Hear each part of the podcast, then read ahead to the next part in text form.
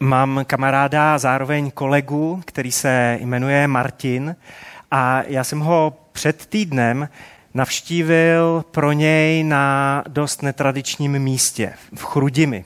On je z Moravy a do Chrudimi úplně normálně nejezdí, ale on eh, minulý pátek byl na cestě na jednu chlapskou konferenci na Vysočinu do křesťanského konferenčního centra a když byl 10 minut o tamtud, tak akorát telefonoval, že se vším počítá, že počítá s večeří a že za chvilku dorazí. Ale už nedorazil. Protože v ten pátek bylo strašně moc namrzlo a on kousek od toho konferenčního centra jel z kopce, kde se jeho auto stalo totálně neovladatelný a napálil to do baráku. Auto je na odpis, úplně zmuchlaný, z toho auta ho museli vyprošťovat Rychlá ho odvezla do chrudimské nemocnice a když mu tam udělali vyšetření, protože byl různě bolavej, tak zjistili, že vnitřní orgány má všechny v pořádku. Všechny kosti má úplně v pořádku, ani jednu zlomenou kost. Páteř úplně nehnutá, úplně v pořádku. A to, jak byl rozbolavělej, tak eh, byl uh, naražený od pásu, měl různé modřiny a modřinky, ale jinak byl v pořádku. Takže ani v té nemocnici neležel moc dlouho. Už v neděli ho jiný jeho kamarád vezl zpátky domů. No a já jsem se za ním vypravil na návštěvu a když jsem tam dorazil, tak jsem dorazil po návštěvních hodinách, což jsem netušil. Takže sestřičky už ve dveřích říkali, my vám to dovolíme, hezky se usmíváte, ale necháme vás tam dvě minuty a budeme vám to stopovat. Martin hned ve dveřích hlásil, že to nejdůležitější, proč jsem tam přišel, není on, ale jeho spolupacient, voják jménem Vojta. A že by nás chtěl seznámit, protože Vojta je z Pardubic a tak je možný, že se ještě někdy potkáme. Oddech jsem si, protože sestřičky nic nestopovaly, návštěva se protáhla na hodinu a půl. A to hlavně kvůli Vojtovi. Protože Vojta měl spoustu otázek. Profesionální voják slouží v armádě. O armádě neustále mluvil jako o naší firmě. Říkal, to je ta naše firma. A měl spoustu otázek na křesťanství a na církev. A o církvi mluvil, to je ta vaše firma a zajímalo ho to, jak to ta naše firma má s těma různýma franšízama, který se někdy jmenují katolická církev a protestantská církev a různý, jestli se ty naše franšízy moc nehádají v České republice. To byla jedna z jeho otázek. Jestli jsou křesťani vůči sobě laskaví. Ale taky se ptal, co si myslíme o LGBTQ+, co si myslíme o množství pohlaví, co si myslíme o potratech. A těch otázek, jak říkám, bylo spousta a spousta. A ptal se na takové typické věci, kterým lidé vrtají hlavou. A jak když jsem se připravoval na tu naši lednovou sérii, která se jmenuje Otázka víry a v podtitulu má ptát se, pochybovat, důvěřovat, protože chceme zdůraznit, že je úplně v pohodě se ptát, že je úplně v pohodě mít jakýkoliv otázky. A že je v pořádku přemýšlet si a, a přinášet ty svoje pochybnosti.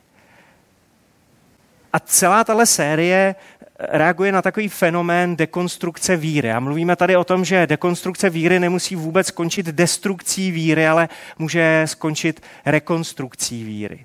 A já, když jsem se na tuhle sérii připravoval, tak jsem poslouchal spoustu podcastů a přečet jsem nejeden příběh lidí, kterým, který tím procesem dekonstrukce víry prošli. A u některých tady ta krize víry skončila tím, že od Boha odešli, skončila tou destrukcí víry. A jedním z nich uh, je i Joshua S. Porter, i když vlastně tak napůl.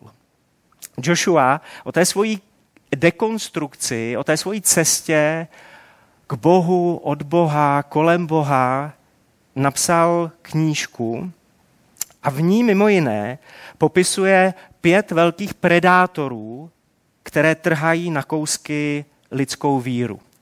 Joshua hrál v punkové kapele, pak pracoval jako pastor a celou dobu pořád vypadal jako punker. Ať už eh, v neděli kázal nebo bral do ruky elektrickou kytaru, tak na té jeho vizáži se nic moc nezměnilo. A on té knižce píše, kolik věcí musel přehodnotit a jak se až dostal za tu hranu, že už s Bohem nechtěl mít nic společného. Ale tím ta jeho knížka nekončí. On v té knížce taky mluví o tom, jak se k Bohu vrátil zpátky. Jak začal po letech rekonstruovat a jak zjistil, že bez Ježíše nechce a ani nemůže žít. A celou tu knížku postavil právě kolem těch pěti velkých predátorů víry. Jako první uvádí biblickou negramotnost, když je pro nás Bible neznámá nebo nesrozumitelná. Jako druhého predátora má problém zla. Pokud je Bůh dobrý, tak proč se dějí ve světě zlé věci? To třetí, spolitizované křesťanství. A myslím, že v jeho zemi, ve Spojených státech amerických, je to mnohem větší problém než u nás. Ale i tady, když někdy čtu křesťanské komentáře a přestřelky na sociálních sítích na téma politika, tak mám dojem, že už to dávno není jenom o našich politických názorech a o tom, že si vyměňujeme postřehy o tom, kdo je nám sympatický víc a kdo je nám sympatický míň. Já mám pocit, že jsme si začali plíst všechny Miloše Zemany, Petry Pavly, Petry Fialy, Okamury, Babiše, že jsme si je začali plíst se spasitelem. A tak se pereme za tu jejich věc. A ta naše franšíza zrovna v tu chvíli moc kristovsky nevypadá. Čtvrtý predátor víry zranění z církve. Já už jsem to tady říkal minule, netušil jsem, kolik lidí ocení to, že dokážu říct zakazatelnou, že se křesťani taky někdy chovají jako hovada. Protože to tak je. Zranění z církve nechceme v mozaice zametat pod koberec. A když se něco takového děje i mezi náma, tak z toho chceme a potřebujeme činit pokání a prosit za odpuštění. Joshua v té své knížce píše, že když člověk 21. století překoná všechny tady ty čtyři predátory, tak před ním stojí ještě soupeř, který je v současnosti podle něj nejsilnější. A ten se jmenuje sebevydání nebo podřízenost Bohu. Protože dneska podat svůj život Bohu vypadá ve světě dietní koly a hashtagů typu delej to, co te dělá s tastným. Vypadá to ne jako něco odvážného, ale jako něco zpátečnického, něco fanatického, něco hodně nebezpečného. A v Biblii je příběh, který, když ho budeme číst pozorně, tak zjistíme, že se dotýká téměř všech těch pěti zmíněných predátorů. A když si ho teď budeme aspoň po takových kouskách číst, tak si prosím všimněte, jak moc tam Ježíš mluví o víře a také o nevíře. Podíváme se do Nového zákona, do Janova Evangelia, do šesté kapitoly a vlastně navážeme tam, kde jsme skončili tady společně před 14 dny. Ježíš má za sebou zázrak nasycení pěti tisíců, potom se Ježíš spolu se svým učedníkem Petrem projdou po vodě, až se dostanou na druhý břeh. A tam se lidi chovají, to jsou fanouškovský davy, kam se hrabe, když někam přijeli Beatles. Oni nadšeně vítají Ježíše, vzpomínají na to, jak proměnil těch pět chlebů a dvě rybičky a chovají se tak, že je jasný, že chtějí přidat. Pět, rybič, teda pět chlebů a rybičky rozmnožený mezi tolik lidí, to bylo super, ale Ježíši je čas na dezert. Udělej další zázrak. Dej nám další jídlo. A Ježíš tenhle moment využívá, jak on to často dělá, k tomu, aby lidi něco naučil, aby je nějak v životě posunul dál. A říká jim, aby neměli za prioritu ten pokrm, po kterém znovu dostanou hlad, ale že jim chce nabídnout něco lepšího. A také od toho fyzického chleba přesouvá k něčemu většímu, lepšímu a výživnějšímu. Protože to, co jim chce dát, nabízí naději, nabízí život. A tak prohlásí, pro nás to zaznamenal jeho nejbližší přítel Jan, v Janově evangeliu 6.35 a dál, pak Ježíš prohlásí, já jsem chléb života. Kdo přichází ke mně, nebude nikdy hladovět. Kdo věří ve mně, nebude nikdy žíznit. Ale jak jsem vám řekl, i když jste mě viděli, nevěříte. A pak znovu 47. a 48. verš. Amen, amen, což dneska by se dalo přeložit jako je to tutovka, je to na beton, můžete tomu úplně stoprocentně věřit. Amen, amen, říkám vám, kdo věří, má věčný život. Já jsem chléb života. No a potom to najednou vyloženě vyhrotí. 53. a 54. verš. Amen, amen, říkám vám, nebudete-li jíst tělo syna člověka a pít jeho krev, nemáte v sobě život. Kdo jí mé tělo a pije mou krev, má věčný život a já ho vzkřísím v poslední den. A najednou to v tom fanouškovském davu stichne. Protože jíst Ježíšovo tělo a pít jeho krev, to lidi úplně rozhodí a úplně nevědí, jak si to mají vysvětlit. A já myslím, že si tady v mozaice na nic nehrajeme a tak je dobrý přiznat, že tohle je jenom jeden z mnoha Ježíšových šokujících výroků. On lidi rozhazoval hodně moc tím, že vyhodil nějakou slovní rozbušku. A já se často setkávám s námitkou, že Bibli se nedá věřit, že nový zákon je nevěrohodný, protože si to všechno lidi vymysleli. A že Ježíš je jenom taková literární nastrčená figurka, někdo, z koho ty autoři tenkrát potřebovali udělat takového hrdinu, hodného následování. Ale pro mě jsou právě tady ty Ježíšovi šokující výroky, a nejenom oni, a nejenom oni, ale i oni, skvělý důkaz o tom, že Ježíš skutečně byl a že se to takhle stalo. Protože tohle si nevymyslíte. Když chcete udělat nějakého fiktivního hrdinu, založit nějaký nový hnutí, nějaký nový náboženství, Víte, že, že byste chtěli získat spoustu stoupenců a tak napíšete nějakou svatou knihu jako takový reklamní leták.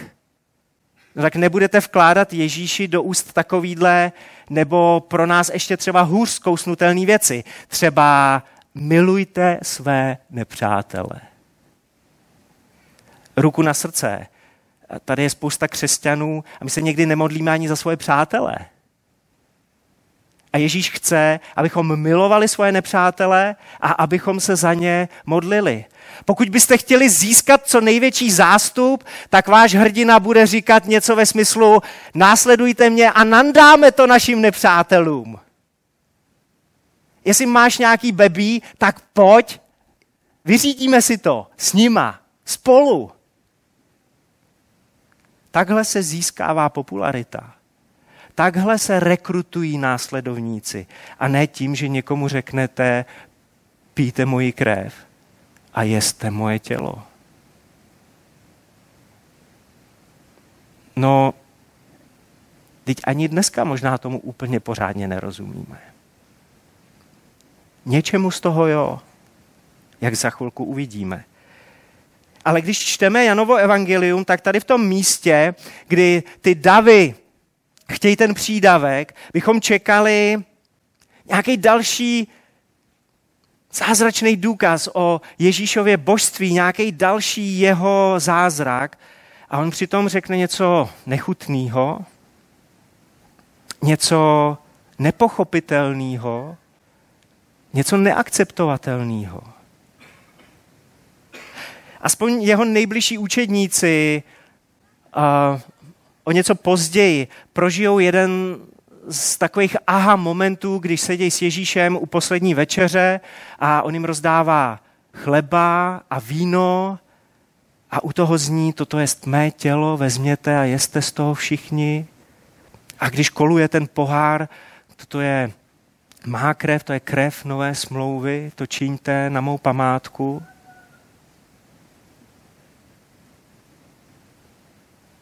Ale když to Ježíš říká tady, tak možná někoho napadne, tyjo, co to je za upírštinu? Nebo jako nějaký kanibalismus, nebo jak to Ježíš myslel? A Ježíš to tam zopakuje dokonce několikrát. A spojuje to s věčným životem. Když se řekne věčný život, tak si někdo může myslet, že se to týká jenom toho života po životě, ale věčný život začíná už teď a tady. Když Ježíš mluví o věčném životě, tak je to nějaká super speciální kvalita života tady a taky nám tím dává perspektivu na ten život, který jednou přijde po smrti. Ale jak to Ježíš spojuje takhle všechno dohromady, tak ty zástupy jsou nervóznější a nervóznější, až se dostáváme k verši 60. Janovo evangelium 6.60. Mnozí z jeho učedníků, kteří to slyšeli, si tehdy řekli, to jsou těžká slova. Český studijní překlad to překládá jako to je tvrdá řeč. Kdo to může poslouchat? Ježíš vnitru poznal, že jeho učedníci kvůli tomu reptají a tak jim řekl, tohle vás uráží. Tohle vás pohoršuje, tohle ve vás působí pochybnosti. V řeckém originále je tam použité slovo skandalizo. Když takhle mluvím, tak je to pro vás skandální.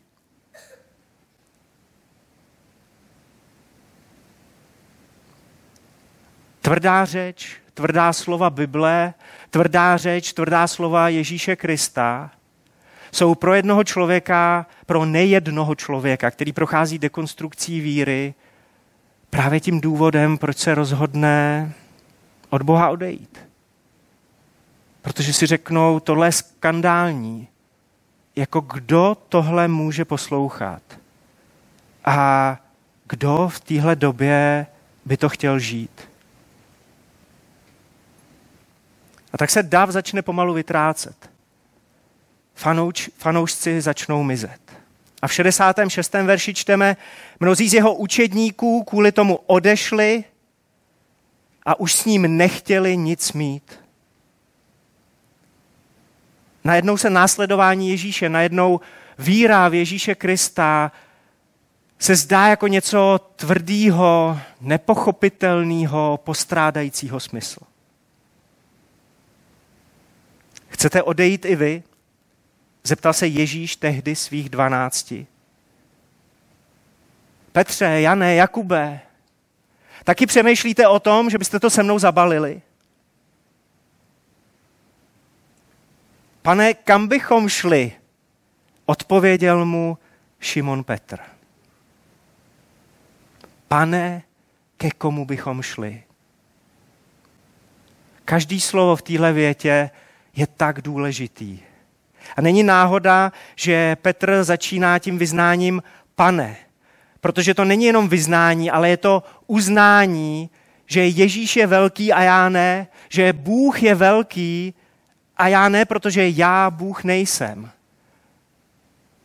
Je to totální sebevydání, podání se Bohu jménem Ježíš Kristus.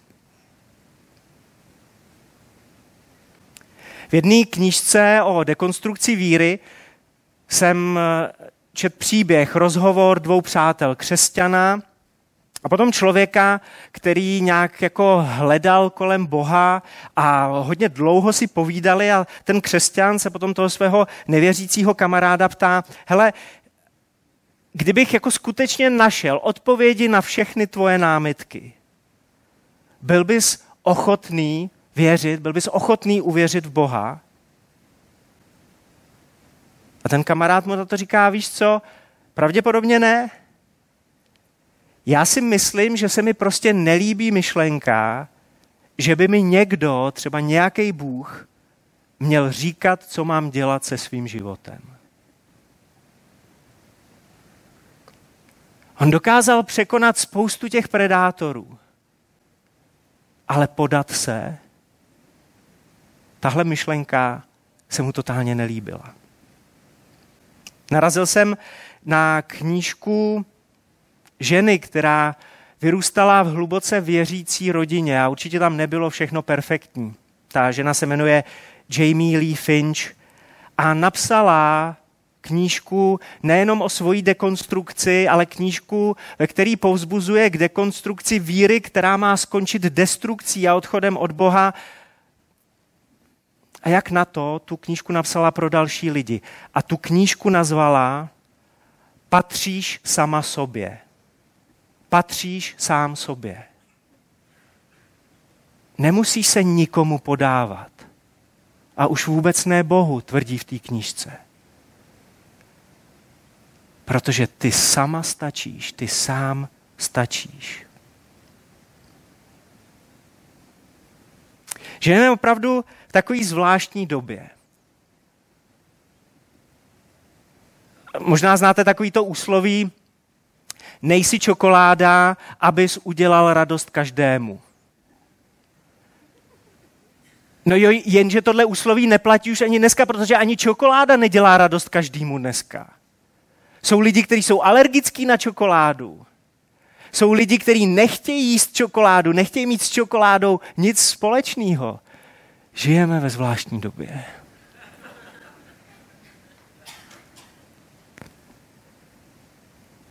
A v téhle době, pokud máme pocit, že nám něco nebo někdo brání, abychom dostali to, co chceme, tak to v nás začíná křičet, to je útlak. To je nesvoboda. Podřízenost, sebevydání je dneska vnímáno jako útisk. A různí influenceři, dnešní apoštolové, burcujou, vzepřete se tomu.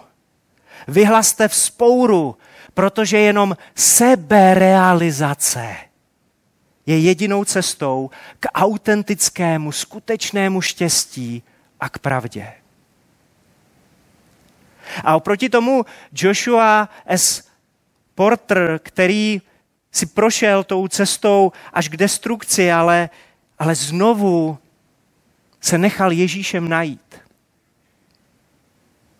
Tak on ve své knížce píše, v současnosti je to ale sebevydání. V současnosti je to ale podání se, co jde proti proudu. Protože to není moderní. Víra nebo věrnost je v dnešní době skutečným aktem vzpoury. A tak do podtitulu té svojí knížky dal obnovit věrnost jako akt vzpoury. Slyšíte v tom toho pankáče? A on říká, jo, já nechci jít s proudem a proto chci věřit. Já chci jít proti proudu a proto chci být věrný tomu, u koho jsem znovu objevil, že dává smysl. Tolik lidí dneska uvízlo v takové fata morgáně, v takovém přeludu, který říká, pokud mě máš rád, tak se mnou musíš souhlasit. Pokud mě máš rád, tak se mnou musíš souhlasit. Pokud mě má rád Bůh, tak v žádném případě nemůže spochybňovat moje rozhodnutí. Bůh nemůže spochybňovat moje motivy. Bůh mě nesmí napomínat tak, aby mi to bylo nepříjemné. Bůh mi nesmí šahat do svědomí, abych prožíval pocity viny. Ale může láska ze své podstaty schvalovat něco, co nám ubližuje. Představte si, že by nějaký dítě chtělo jíst jenom bombóny, k snídani bombóny, k obědu bombóny, k večeři bombóny, nic jiného. Nebo že by to stejný dítě jako největší zábavu svého života mělo, že bude vyškubávat hrsti vlasů svýmu mladšímu sourozenci. A když tahle zábava nestačí, takže se chce roztočit v zapnutý pračce. Takže skutečná láska jeho rodičů by byla o tom, že mu tu pračku zapnou a ještě ho tam šoupnou. A budou dělat, že tohle je přece vončo. Žádný nastavování hranic. Má láska ignorovat? Nebo se má láska zajímat? Někdy se chováme tak bláznivě. Chceme od Boha, aby nás zachránil a zároveň, aby nás nechal na pokoji. Chceme po Bohu, aby všechno spravil, ale zároveň, aby se ničeho nedotýkal. I vy chcete odejít. Pane, ke komu bychom šli? Ke komu bychom šli? Petr si uvědomuje, že odejít od Ježíše automaticky, automaticky znamená odejít za někým nebo za něčím jiným. A Petr tady říká, Ježíši, když zhodnotím všechny svoje možnosti, když se rozhlídnu po všech těch alternativách, tak kam bych šel? Tady není nikdo a nic lepší než ty.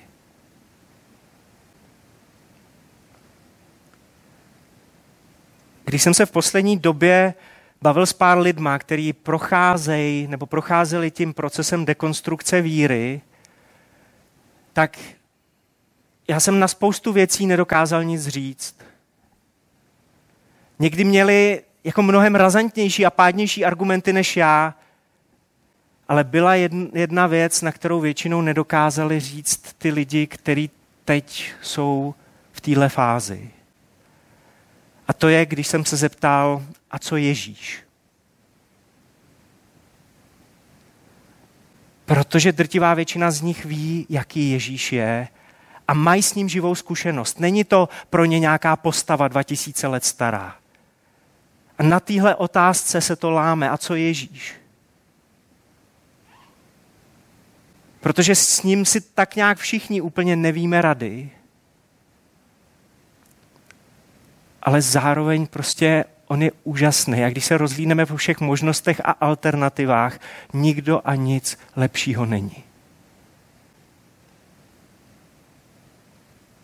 Když ne Ježíš, tak kdo? Když ne Ježíš, tak, tak co? A pak ještě Petr dodá, ty máš slova věčného života a my jsme uvěřili a poznali. A my jsme uvěřili a poznali, že ty jsi ten svatý boží. Ježíši, ty, ty jedinej jsi ten, kdo, kdo má co říct ke smyslu mýho života tady. A ty jsi ten jediný, kdo mi dává víc než naději na to, co bude, až umřu. Že smrtí to nekončí a že, že tam to může být ještě lepší. Já nevím, jak moc se to hodí k tomu tématu dekonstrukce víry, ale protože tady o tom mluví Ježíš a mluví tady o tom Petr, tak ve vší vážnosti chci říct, že tady jde o věčnost. To, komu nebo čemu věříme, rozhoduje o té naší destinaci jednou, na té druhé straně věčnosti. Lidé se někdy tak strašně moc zlobí, že, že ten prý milující Bůh posílá lidi do pekla. Ale my se tam posíláme sami. Prostě jenom skončíš tam, kde bude ten, koho následuješ. Takhle jednoduchý to je. Jednou skončíš tam, kde bude ten, koho následuješ.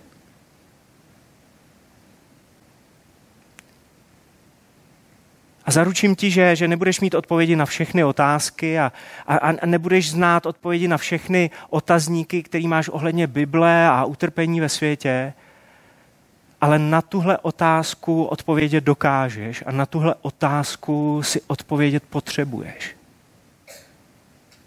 Když ne Ježíš, tak co? Když ne Ježíš, tak kdo? Ke komu půjdeš.